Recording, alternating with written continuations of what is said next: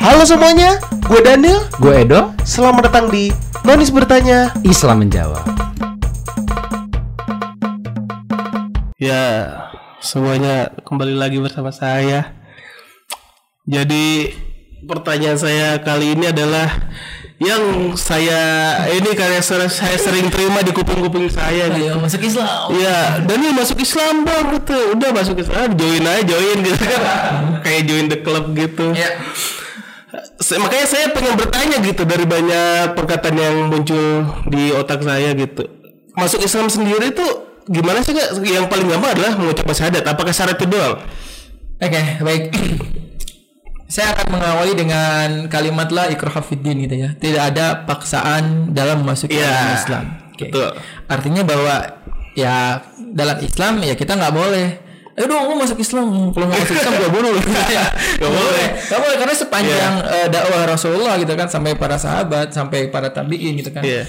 Eh, mereka mendatangi negeri orang-orang non Islam gitu Iya. ya. Mereka tidak pernah memaksa ma- eh, orang-orang non Islam masuk Islam dan juga tidak pernah menghancurkan bangunan ibadah milik eh, orang-orang non Muslim gitu. Iya. Artinya bahwa Islam itu adalah agama yang sangat sangat menjunjung tinggi yang namanya perbedaan dan toleransi. Nah, bagaimana caranya masuk Islam? Ya pertama masuklah Islam tentunya dengan tidak ada paksaan. Iya. Ya, Niat dulu berarti. niat. Makanya kan ada orang yang niat masuk Islam karena ingin nikahin perempuan biasanya ya. Oh iya. Ada yang memang orang masuk Islam karena ilmu. Iya iya. Ya, karena memang hidayah yang membimbing Iya, itu betul. banyak. Betul. Nah, biasanya orang-orang mohon maaf itu ya, orang-orang yang masuk Islam karena ilmu adalah orang-orang yang memang mencari. Iya. Contoh banyak di antara pendeta-pendeta Ustaz Felix Shaw, Ustaz Isan Mokoginka, kemudian uh, Ustazah Irene Handono. Mereka itu kan ahli-ahli teologi gitu ya. Iya. Artinya ahli-ahli perbandingan agama. Mereka membandingkan antara Islam dengan agamanya. Akhirnya mereka menemukan oh ini yang selama ini saya cari. Karena ketika kitab, mohon maaf, Bible itu dirujuk kepada kitab aslinya, mereka akan menemukan bahwa ya Isa alaihissalam memang mengabarkan bahwa kalau setelahku akan ada seorang nabi yang bernama Ahmad kalau dalam Quran surat Asab dalam Bible disebutnya Muhammad gitu ya walaupun uh, kalau beberapa ustad kayak uh, akhirnya mohon maaf gitu ada ada penafsiran dalam uh, Injil itu kata Muhammad itu berartinya bukan Nabi Muhammad yang Islam uh, hari ini imani gitu ya tapi kebahagiaan katanya dialihkan fungsi katanya gitu menurut beberapa pakar teologi seperti itu gitu. Nah, adapun orang-orang yang masuk Islam misalnya karena ingin menikah dan lain sebagainya, sah nggak keislamannya? Sah. Sah. Dua-duanya sah keislaman. Gak ada ketapian gitu. Nggak ada tapi, nah yang membedakan nilainya. Oh nilai. Nilainya, nilainya. Nah, kalau orang masuk Islam karena ilmu, dia masuk Islam, dia akan menjadi orang yang benar-benar eh, fokus. Iya. Dia benar-benar mengakselerasi karena dia merasa gua selama ini mohon maaf non muslim gitu kan Iya. ke mana aja berpuluh-puluh tahun Ah. lu telat gitu akhirnya mereka mengakselerasi belajar ini makanya biasanya lebih cepat tuh Oh iya. bahkan lebih lebih keren daripada orang yang udah lama Islam gitu ya kan ustadz-ustadz kayak gitu ya Ustadz Felix gitu kan insya Iya. Allah gitu kan adapun orang-orang yang masuk Islam karena eh, tadi bukan landasan yang keilmuan yang kuat Iya. ya akhirnya ya tahu banyak seperti ya mohon maaf bukannya ini ya. Ya kadang nggak menemukan pembimbing yang tepat Iya. gitu. Karena dia masuk Islam karena ceweknya Islam gitu kan. Iya. karena gue pengen nikahin itu. Iya betul. ya udah gitu selesai cukup sampai di situ. Dia kadang nggak belajar sholat tapi ketika memang dia menemukan lingkungan yang baik gitu kan orang yang tepat untuk membimbing dia ya dia juga tetap insya Allah akan menjadi seorang muslim yang baik dan tentunya juga taat. Nah artinya masuk Islam kalau pintu masuknya adalah syahadat gitu. Syahadat.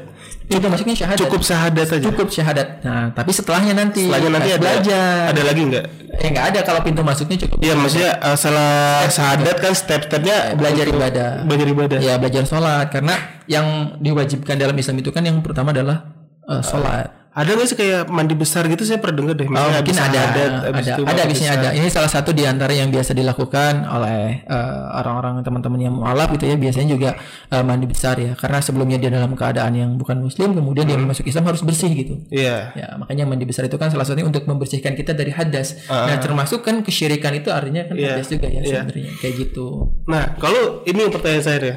Syahadat tuh kan nggak bisa asal syahadat. Misalnya saya ngomong aja gitu syahadat gitu kan.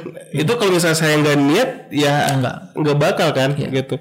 Kalau misalnya ada orang yang apa ngomong gitu misalnya aja kayak Iya sadat sadat sadat gitu kan terus atau enggak orang latah tapi latahnya sahadat gitu itu gak bakal gak bakal ini ya gak bakal keterima tetep ya Ya Allah alam artinya biasanya gini bahwa ketika kita kalau sekarang ya sekarang itu kan menjadi seorang eh, eh, yang kembali kepada Islam kita menyebutnya sebagai bukan berpindah artinya Iya. comeback gitu ya oh comeback kembali lagi kepada Islam karena fitrahnya kan sebenarnya manusia itu dalam keadaan muslim. Lalu kemudian mohon maaf ini dalam dalam kita ya kayak. Iya, kita umat. Islam gitu ya bahwa fitrahnya uh, manusia itu sebenarnya adalah muslim. Lalu kemudian orang tua lingkungan lah yang membuatnya mereka menjadi Yahudi, Nasrani dan Majusi gitu. Artinya bahwa kita tuh di alam ruh sebenarnya Islam. iya Ya, kemudian kita lahirnya di kalangan orang-orang uh, Yahudi misalnya. Iya. Ya, kan jadi seorang Yahudi gitu. Tapi Allah kan memberikan uh, gambaran Islam tuh di mana-mana. Iya. Artinya apa? Ada hidayah di situ yang harus kita kejar. gitu. oke Nah, adapun misalnya uh, terkait tadi kita latah nih atau misalnya main-main gitu kan Iya. adat dan lain sebagainya. Ah. Ya Allah alam, tapi salah satunya kan ketika kita jadi mualaf hari ini ada saksi. gitu. Oh ada Ada saksi. berapa tuh saksinya apa Hah? Apa ya, gimana sih? ya harus ada yang menyaksikan lah intinya kan kayak gitu. Ya boleh satu gitu kan. Tapi kalau misalnya mau kuat harus ada sertifikatnya juga. oh jadi ada sertifikat ada mualaf biasanya ada sertifikat mualaf. Artinya di sini tuh tujuannya agar ketika teman-teman oh saya sudah menjadi muslim misalnya gini KTP-nya kan Iya. si mohon maaf gitu kan muslim Islam tapi udah ber eh, apa udah bersyahadat Nah, Iya. makanya sertifikat itu salah satunya kan diperlukan untuk data oh administrasi ya administrasi. Jadi ketika misalnya nanti mau merubah, Iya. gitu, saya udah punya. Ketika teman-teman misalnya nanti eh, masuk ke apa gitu ya, ya pokoknya yang berkaitan dengan keperluan eh, Hmm. administrasi itu kan ada penguat gitu. Ya walaupun secara lisan juga udah cukup sebenarnya. Tapi hari ini nih karena kita hidup di dalam sebuah negara Iya. kan, yang ada aturan dan ada netizen gitu.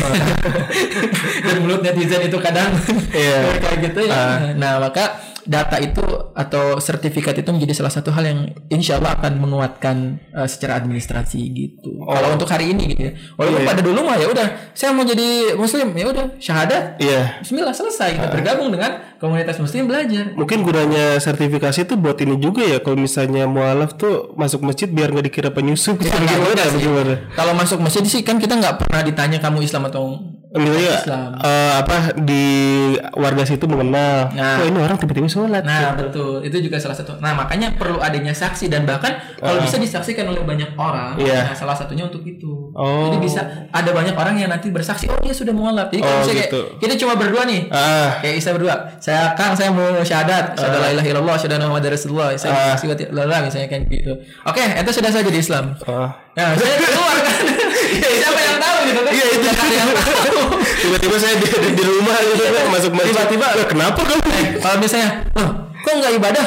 Dia jadi muslim lah. Mana buktinya? Nah, Oh. itu makanya. Makanya, Jadi itu kalau hari ini itu harus ada. Harus ada ya. Kalau hari ini, Iya. jadi karena tadi kita hidup di negara yang memang sudah kulturnya seperti ini ada dan ada sistem bernegara yang memang harus kita ikuti juga gitu.